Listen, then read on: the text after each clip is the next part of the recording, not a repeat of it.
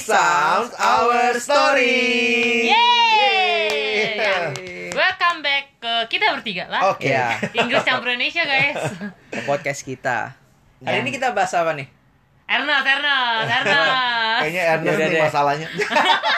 Walaupun lah. tembakannya ke gue gue Iya, juga iya. sebenarnya. Ntar lu kenal juga pasti. Sekali-sekali ada masalah boleh lah. Oke. Kan hidup di dunia pasti ada Ah, ah. masalah. Gue punya pertanyaan nih. Gue penasaran sih. Ah, Jadi waktu itu eh, ada apa salah satu temen gue lah kayak Iya. gitu. Gue gue bingung mau jawab apa waktu Hmm. itu. Karena kasusnya begini. Dia dia bilang bertanya gini. Eh sebenarnya perasaan itu salah atau enggak? Karena Hmm. contoh nih ya contoh. Misalnya ada misalnya gue Hmm. gue suka dengan seseorang kayak gitu nah perempuan lah nah terus perempuan itu yang gue suka eh, nggak jadian sama gue dan akhirnya Iya. jadian dengan orang lain terus nikah nah terus gue kan ngeliat hal itu gue sedih dong karena Iya. perempuan itu nggak jadi milik gue dan Sedih. harusnya gue move on. Tapi Mm-mm. entah kenapa kayaknya gue sayang banget terlalu sayang sama perempuan Ya, tersebut. Kayak gitu. akhirnya gue nggak move on move on kayak gitu dan, Dan- itu lama banget Maksudnya begini, perasaan sukanya kepada perempuan itu dia rasain masih ada. masih ada dan sebenarnya Be. kan nggak mungkin kan gue dapatkan lagi kan karena dia udah udah nikah kan Kalau harusnya bendera kuning belum ada mah Beb, enggak apa-apa nikah udah ada Bendera bendera kuning Beb. Wah, ini parah banget berarti mau nikung mau selingkuh nih orang nih Nikungnya nunggu sampai bendera ya. Kuning. kita buat aja deh bendera kuning Oke. nah itu tapi- tuh maksudnya Ah. eh gue bertanya-tanya gini nah itu kan gue udah usaha nih untuk untuk ngilangin Iya, perasaan gue gue udah hapus udah delete foto-fotonya Hmm, kayak gitu hmm. gue berusaha untuk nggak ngelihat eh, Instagramnya dia atau fotonya dia atau Hmm. statusnya dia terus juga gue udah mencoba nggak berkomunikasi cari tahu kabar tentang dia tapi Hmm. masih ada Kenangannya enggak bisa Kayak gitu. Aduh. nah pertanyaannya kan kayak gini kan kalau memang Ah, ah, ah. eh, harusnya kan nggak boleh dong gue suka dengan eh, istri dari orang nah itu kan begitu kan Iya, harusnya. iya, nah iya. cuman kalau nggak suka eh kalau nggak boleh kenapa masih ada? Hmm, hmm. perasaan sukanya gue itu kenapa gue udah usahain hilang nggak hilang hilang nah itu kan. Jadi yang sebenarnya salah nggak nih perasaan gue padahal kalau gue suka sama istri orang berarti ya itu nggak baik dong kayak gitu. Karena Iya. itu istri orang bukan punya gue dan bu- dia bukan kayak binatang jalan bebas lepas gitu bukan pemilik Ilustrasinya agak agak gimana gitu ya. kayak kucing nggak ada pemilik Kayak nggak ada aturan gitu ya. Iya. nah itu yang kayak gitu Ah. salah atau enggak tuh kalau Iya, masih ada masalah perasaan, perasaan Ah, gitu ya. perasaan kayak gitu Menurut gua gimana nih Bang? Lu ngeliatnya begitu. Gua ngeliatin si Sofi dulu nih. gue awalnya tadinya mikirnya begini kan Mm-mm. sebenarnya perasaan perasaan rasa itu kayak gitu atau feeling itu nggak salah cuman terus gue mikir-mikir lagi kalau kayak gitu salah atau enggak karena kan kalau gue Iya. lanjutin terus itu bukan punya gue dan gue udah nggak mustahil mendapatkannya Ini Gitu. jadinya cerita tentang lu apa temen lu? teman gue bukan Oke. temen Oh, gue Segala Oke. sesuatu dikatakan dari teman Bang. Oke, Biar tapi supaya maksudnya si Ernest Iya. jadi mikirin kayak begitu. Nah, Nov, lu pernah punya pengalaman yang mirip-mirip kayak begini nggak? Perasaan mendominasi. perasaan Yoi. mendominasi ya. Ya biar supaya kelihatannya hidup gue tidak terlalu banyak masalah guys. Gue juga Oke. mengambil dari masalah teman gue. Oke. gue mengambil masalahnya mungkin LGBT.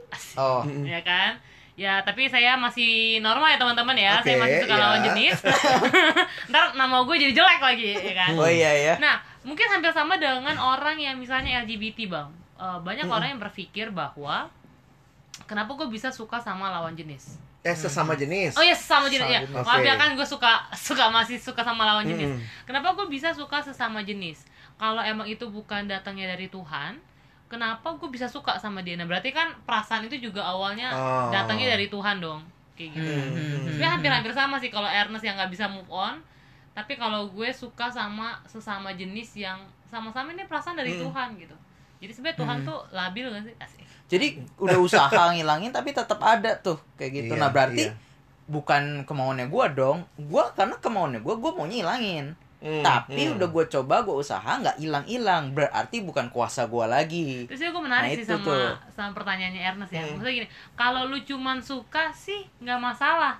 Iya. Selama lu tidak berusaha untuk memiliki asik. Hmm. Kayak lagu-lagu sekarang banget deh. gitu ya gimana tuh? Contohnya. Meskipun aku tak memiliki Iya, gua, gua dah. bahagia lihat kau sama yang lain. Oh, Oh, itu agak bullshit, Beb.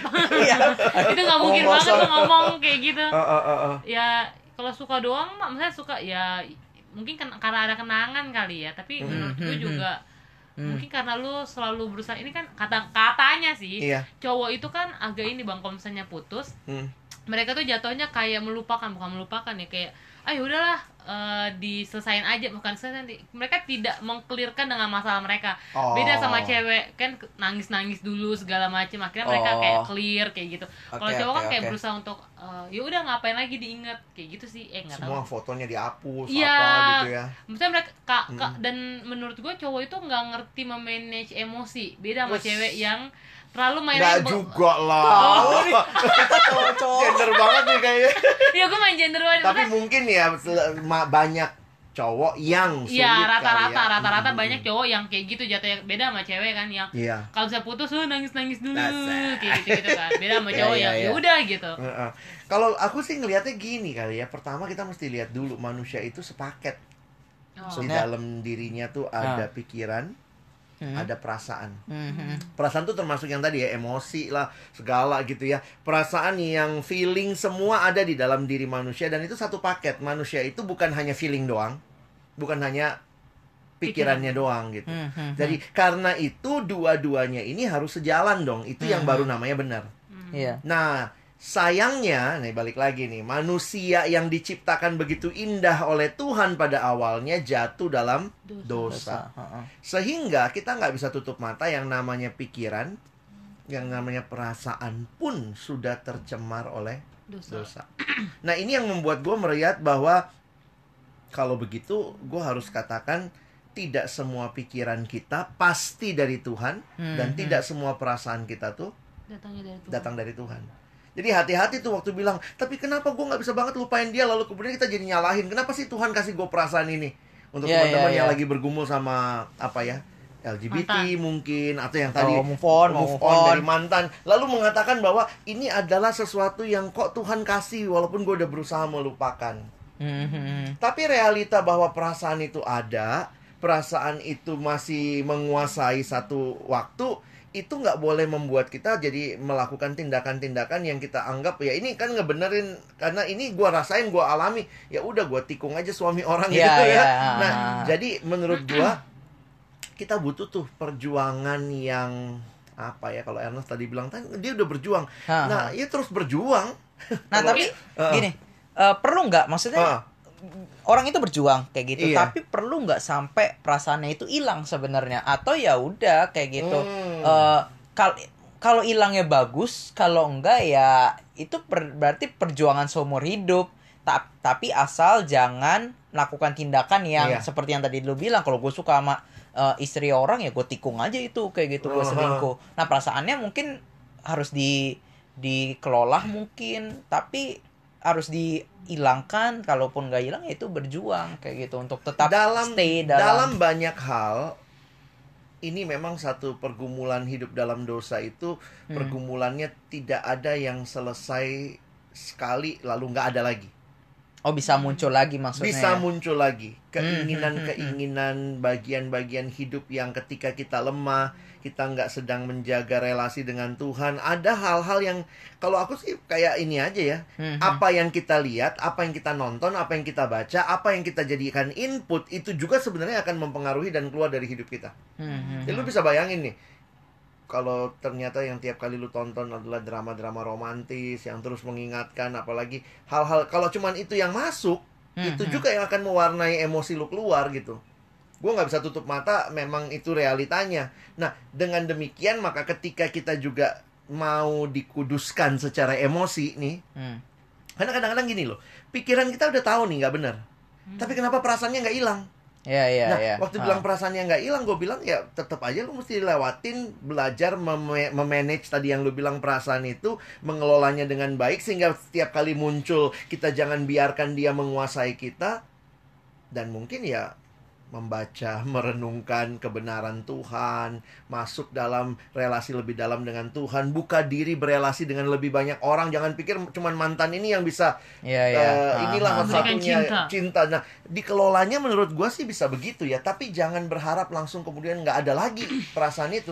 soalnya ini kan ya gara-gara pertanyaan itulah gua gua secara spontannya gue berpikirnya kalau Hmm. ya, ya, perasaan itu nggak salah sebenarnya feelingnya sendiri sebenarnya feeling itu nggak salah Punya Kayak gitu. perasaannya iya nggak salah. nggak salah Heeh. tapi gue berpikir gini apakah jangan-jangan eh, waktu munculnya yang nggak tepat Loh? nah tadinya gue mikir seperti itu kalau Hmm. misalnya gue suka sama istri orang ya nggak tepat dong waktu muncul rasa sukanya gue satu sisi gue berpikir kayak Hmm, gitu nah hmm. akhirnya gue cari tahu lah eh, eh, belajar lagi supaya jawaban gue nggak spontan doang tapi Hmm. lebih ilmiah nah ada salah satu tulisan tuh yang waktu Hmm. gue baca ih bener juga ya dia bilang kalau eh, perasaan itu atau feeling itu adalah sebuah alat ukur tapi bukan sebuah guide kayak gitu jadi Oh, lebih ke gauge kayak ya. gitu Hmm. ketimbang dari guide jadi dia alat ukur tapi bukan pemimpin dan gue setuju tuh yang dia waktu Hmm. artikel itu gue baca perasaan kita harusnya yang kita yang mimpin Iya. jangan kita yang dipimpin perasaan Sama mau perasaan. ini kita ambil kayak gitu mau marah ya kita marah mau sedih ya kita sedih diikutin nah cuman gue eh, berpikir begini ya feeling itu ibarat kayak kayak sebuah air di dalam waduk waduknya itu Mhm. apa waduknya itu adalah gue berpikirnya mungkin logika kita atau rasio-rasio kita ataupun ataupun juga premis-premis tertentu yang akhirnya nggak boleh nih gue nggak boleh Hmm. membiarkan diri gue tenggelam di dalam perasaan sedih marah dan lain Ah. sebagainya nah ketika eh, akhirnya kita membiarkan perasaan kita atau ai- air itu keluar berarti kita lagi buka pintu waduknya ya Hmm. atau dalam artian kita lagi mungkin lagi lemah secara eh, rasionalnya kayak gitu jadi kita bu Hmm. gue selalu berpikir gitu penjaganya itu adalah premis-premis itu penjaganya itu adalah prinsip-prinsip itu Hmm. jadi eh apa yang gua tahu premis-premis itu atau prinsip-prinsip itu justru menjaga hati gua untuk nggak semaunya Jadi kalau secara sederhana disimpulin bahwa rasio itu yang harus memimpin perasaannya. iya ha-ha. Jangan dibalik gitu. iya nah cuman satu sisi gua ngelihatnya eh bukan berarti jadi orang yang dingin banget Oh, seolah-olah meniadakan emosi Iya, dan ha. segala macam. Nah, jadi gitu gue ya. setuju juga tuh kalau ada yang bilang kalau kita perlu kelola emosi dan kelola perasaan. Hmm. Kalau emang lagi ada kondisi duka ya, ya ini cuma sebentar kok. Rasional rasion, rasionalnya kita kan gitu. Iya, duka iya. udah pasti kok, udah wajar kok. Semua orang mengalami kedukaan Hmm. kok. Itu hal yang wajar aja. Itu rasional yang membuat kita untuk nggak sedih. Hmm. Seperti itu. Tapi eh, secara pas, eh, secara waktu, momen nggak pas lah kayak gitu. Kalau memang waktu lagi berduka ya berduka. Nah Iya. itu cuman ya hanya nggak berlarut-larut aja yang gue berpikir gue Hmm. berpikirnya gitu untuk segala sesuatu kan ada ada ada waktunya, waktunya kan ya. Mm-mm. nah itu gue berpikirnya kayak gitu tuh Jadi kalau misalnya kayak begini ya, gue pikir eh, pertama tuh emosi kita tidak selamanya harus jadi eh, kebenaran. Hmm, hmm, Kita hmm. mesti bisa menilai situasi dengan rasional dan Hmm, hmm, juga mesti ingat bahwa tidak semua perasaan itu pasti datangnya dari Tuhan. Sehingga dari dari penghayatan-penghayatan premis tadi yang lu bilang itu kita bisa kelola nih perasaan Mhm. dan emosi kita. Kita bisa tahu juga dan mungkin perasaan dan emosi kita itu akan menolong kita melakukan tindakan yang tepat yang ya tepat begitu. iya iya iya Ini Novi diem nih dari tadi kayaknya menghayati nih. Iya. Pusing ya, Nov? Lumayan ya, rupanya kalian ngomongin berdua. Oke, gue ngeliatin kiri dan kanan. soalnya menarik sih karena kan kadang-kadang gara-gara gue punya perasaan ini gue akhirnya membenarkan tindakan gue kenapa Iya, gue begini ya karena gue punya, perasaan punya perasaannya. ini kayak gitu Hmm, yang which is sebenarnya perasaannya itu gue ya tetap lah perasaan itu nggak salah. Iya. hanya mungkin perlu kita pimpin dan kontrol. Karena kalau kondisi-kondisi tertentu kalau misalnya kita lagi di kedukaan terus kita ketawa-ketawa emosinya happy nah ada yang salah dong. Ibarat Hmm. kayak apa kita lagi nonton film sadis ma- orang Hmm. dipotong-potong terus kita malah seneng. ketawa iya gitu, nah itu seneng, kan nggak masuk akal ya menurut Mm, mm, mm. gua ya. Berarti ada yang salah dengan Makanya di dalam emosi itu sendiri menurut gua harus ada guideline-nya. Hmm, hmm, hmm. Jadi karena itu kayak misalnya bicara eh, orang ya anak sekarang lah ya, mungkin bukan anak sekarang ya tapi dengan kalimat-kalimat follow your heart, ikutin Iya, iya, hatimu, iya, iya, ikutin iya. hatimu. Ha, ha. Nggak bisa cuma ngikutin hati. iya benar-benar Kalau kita cuma ngikutin hati, jangan lupa loh hati itu sudah jatuh dalam iya Tapi gue sebenarnya punya ini sih bang, punya temen ya. Hmm. Dia itu, gue nggak tahu apakah dia rasio banget. Tapi yang gue lihat ada gini, dia tuh sebenarnya punya perasaan. Hmm, hmm. Ini cowok ya, dia punya perasaan. Cuman yang gue lihat dia tuh selalu menggunakan Nutupin. segala sesuatu itu dengan rasio. Hmm, Oh. hmm, Misalnya gini ya, misalnya dia marah, ya kan dia marah eh, dia diam nih ya kan terus nanti segala sesuatu tuh dia hitung perhitungan dengan rasionya dia kayak gitu kan nah eh sampai akhirnya dia selalu punya prinsip dan ini rata-rata cowok ya mungkin karena budaya juga sih menurut gue cowok itu nggak boleh nangis cowok itu nggak boleh sedih Hmm. cowok itu harus kuat nah kayak gitu kan nah maksudnya sampai akhirnya pernah tuh kita di gereja lagi ngomongin tentang satu hal gitu itulah pertama kali gue ngelihat dia nangis Oh, Sampai oke, dia oke, bilang gini, oke.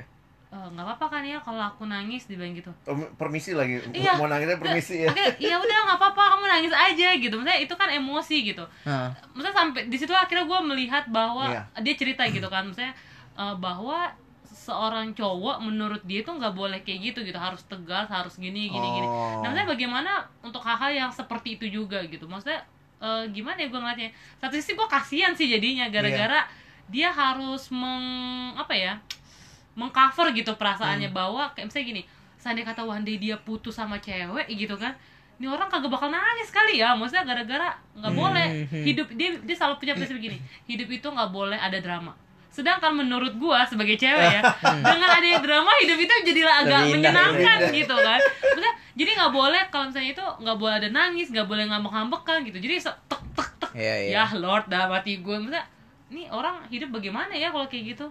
Makanya gue gue setujunya untuk segala sesuatu tuh ada waktunya dalam artian kalau emang waktunya nangis ya nangis sedih eh, sedih karena kalau gini kita bisa aja tuh tenggelam di dalam perasaan-perasaan kita dengan dengan feeling-feeling kita. Tapi kalau kita hanya terus menerus meratapinya merenungkannya kesedihan kalau tadi kayak contohnya kedukaan kita sedih terus menerus kita nggak jalan ke mana-mana betul. Nah cuman eh, satu sisi gue berpikir kadang-kadang kita perlu berdamai tuh dengan rasa kehilangan itu Iya. kayak gitu momen kehilangan itu. Mungkin kita perlu berdamai dengan kekecewaan kita atau rasa marah kita.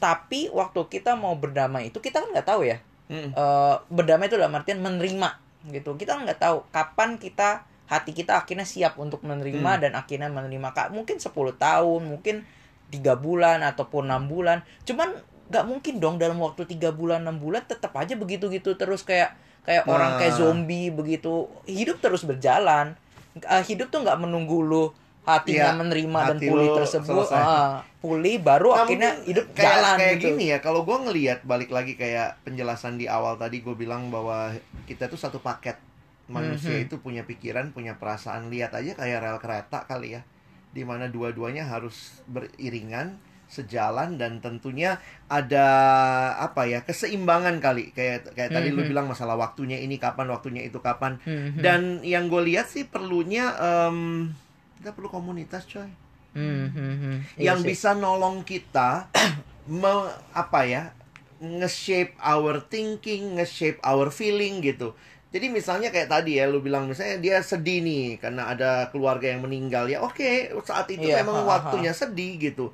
Tapi ketika misalnya masih sudah setahun dua tahun masih sedih terus terusan Hmm, hmm, maka aku pikir sih teman-teman eh, teman-teman yang Iya, lain iya. akan bisa nguatin dia karena itu gue pikir mari kita jadi sahabat yang juga bisa bisa nolong teman kita bukan selamanya agree sama pikiran dia dan perasaan dia Hmm, hmm, kita hmm. harusnya bisa jadi penyeimbang dan bisa lihat juga mungkin untuk teman-teman yang kayak tadi Novi bilang ini anak nggak kayaknya nggak punya feeling enggak sih setiap orang pasti punya feeling Hmm, hmm, Tapi hmm. dia Nah, nutupin uh, ya. tapi dia ya. nutupin nah nutupinnya mungkin waktu lu membiarkan dia yuk cry yuk silakan gitu ya nah Soalnya gue berpikir gini, ya benar yang tadi Bang Alex bilang kan menjadi Hmm. manusia itu ya punya thinking, punya feeling. Kalau Hmm. lu cuman mengandalkan selalu menutupi eh, feeling lu dengan thinking lu, iya lu cuman jadi manusia yang rasional tapi sih. jadi kayak robot dan akhirnya kaku dan sulit berempati dan lain Iya. sebagainya.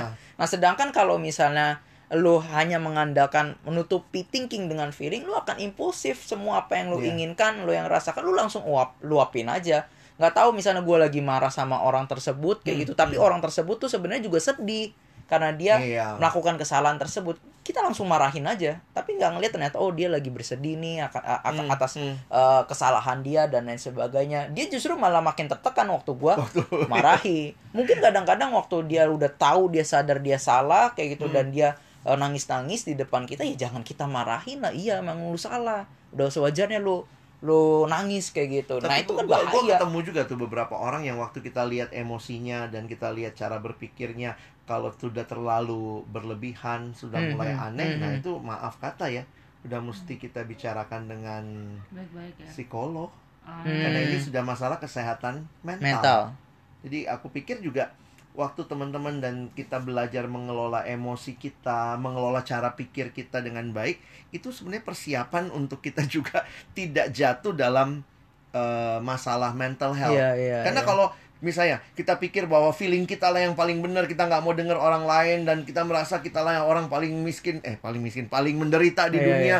Lalu kemudian kita tutup diri, kita kunci kamar. Nah, gue pikir itu itu awal-awal orang mengalami mental gangguan health mental ya. ya mental health ya Dan eh, teman-teman kalau punya teman seperti itu jangan kadang-kadang kita butuhnya nolong dia dengan bawa dia ketemu orang yang tepat kali ya, Iya, psikolog iya. atau apa aja. Nah, belum tentu dia bisa berpikir dengan jernih. Nah, eh. betul. Soalnya gini, kalau misalnya kita cuman eh, seperti yang tadi tuh eh, thinking menutup feel- feeling, Hmm. orang tersebut tuh bisa nggak sadar sama sekali tuh dengan apa yang dia rasakan. Nah, jadinya tuh eh, dia tidak peka. Nah, itu yang bahaya tuh. Sedangkan manusia tuh ya Hmm. tadi makhluk eh, hat yang punya cinta dan Hmm. juga makhluk yang berpikir. Nah, waktu dia harus peka Oh, nah waktu dia harus peka, dia malah melakukannya tuh dengan tidak tepat, beresponnya tidak tepat. Itu yang bahaya. Hmm. Sedangkan ada satu lagi sisi yang orang-orang tuh eh, terlalu mengandalkan perasaan tuh. Nah, itu juga kurang tepat karena kalau dia selalu mengandalkan perasaannya, waktunya dia harusnya misalnya la- lagi ada masalah dan itu harus butuh Iya. cepat ngambil keputusan. Eh dia karena dia saking mengandalkan perasaan ya udah sedih kayak gitu terus murung. Padahal ini gue udah harus kita harus keluar ini dari kebakaran ini nih. Kita harus lari. Putusin dong tapi aduh kenapa bisa kebakaran? Nah kayak gitu-gitu tuh terus kebakar. kebakar ya. dan mati. Mati udah. Nah yang kayak gitu-gitu tuh wa- waktu waktunya harus tepat sih dalam memakai mungkin gua. gue kalau kalau gue ya misalnya di posisi yang thinking dan feeling ini, kalau misalnya gue lagi merasa yang feeling banget, tapi misalnya tadi kan kita ngomong kelola emosi, kelola emosi, mungkin ada teman-teman yang bingung, maksudnya definisi kelola emosi ini kayak Hmm, gimana hmm, sih? Kalau misalnya nanti teman-teman bisa cerita juga kali Iya. kalau misalnya di di posisi lagi thinking dan lagi feeling. Feeling. Misalnya kalau misalnya gue lagi dalam keadaan sedih, gue yang ada di posisi kayak sedih, terus misalnya ngerasain kayak kesepian segala macam, gue selalu belajar untuk mengakui sih. Misalnya gini, Oh, Hmm. Iya saat ini gue sedih, saat ini gue sedang merasa ini, Iya. jadi nanti untuk depannya jangan begini lagi. Ketika lo ngalamin seperti ini begini gitu. Hmm. Jadi eh, oke hari ini misalnya gue kadar kesedihan gue 90% saya gitu. Berarti mungkin dalam waktu satu minggu lagi gue akan jadi 80% Iya, ha, ha. segala apa Oke. sampai akhirnya gue jadi kayak oke gue udah mulai stabil dan ketika gue boleh melihat ke belakang jadi oh ya ini ada hal-hal yang gue ada pembelajaran ya. Nah, jadi kayak gitu. Jadi bukan cuma sebenarnya gimana sih me- memperbaikinya gitu. Jadi Iya. jangan sampai teman-teman kayak udah di situ aja berkutatnya gitu. Iya, Tapi nggak ada betul, nggak ada betul, nggak ada next Lu, stepnya lu gitu. biasanya butuh orang gak sih, Nov? Kalau situasi lagi deal with yourself gitu? Hmm, kalau misalnya dalam keadaan tergantung bang sedihnya yang kayak parah gimana. banget ya Kalau gitu misalnya ya. dalam keadaan sedih ya, kalau dalam keadaan sedih itu tuh gue biasanya lebih suka diem.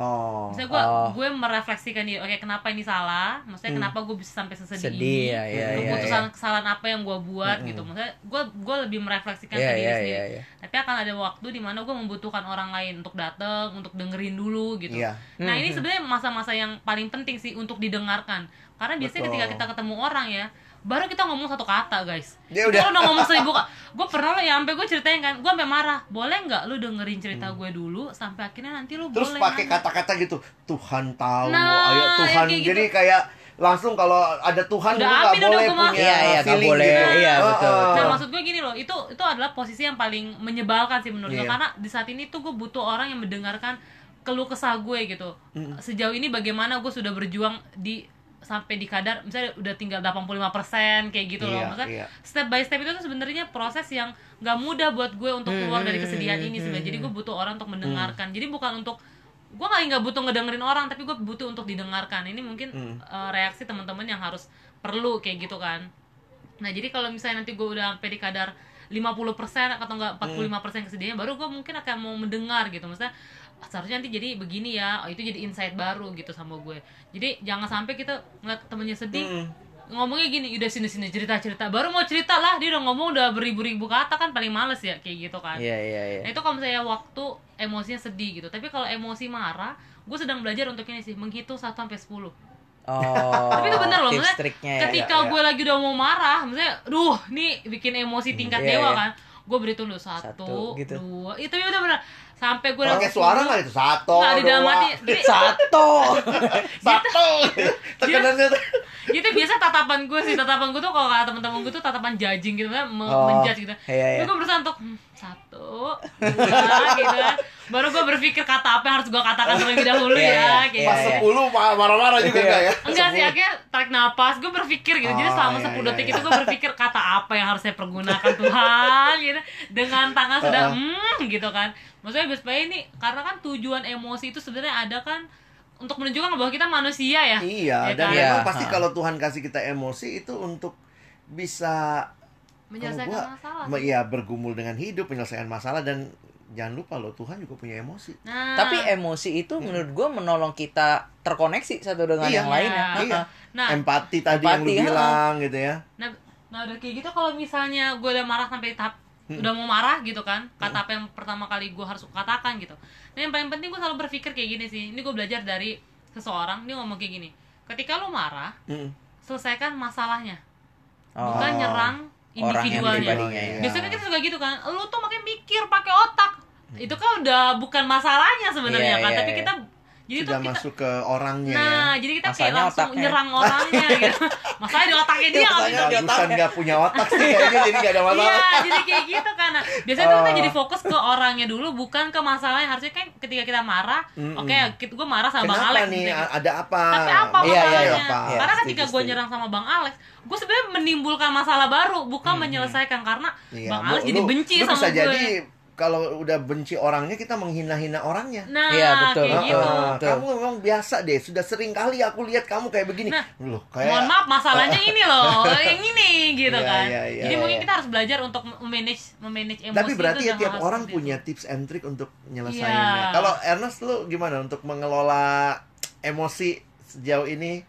Gue sama sih kayak Novi. Dia Gue nggak punya emosi ya? Iya.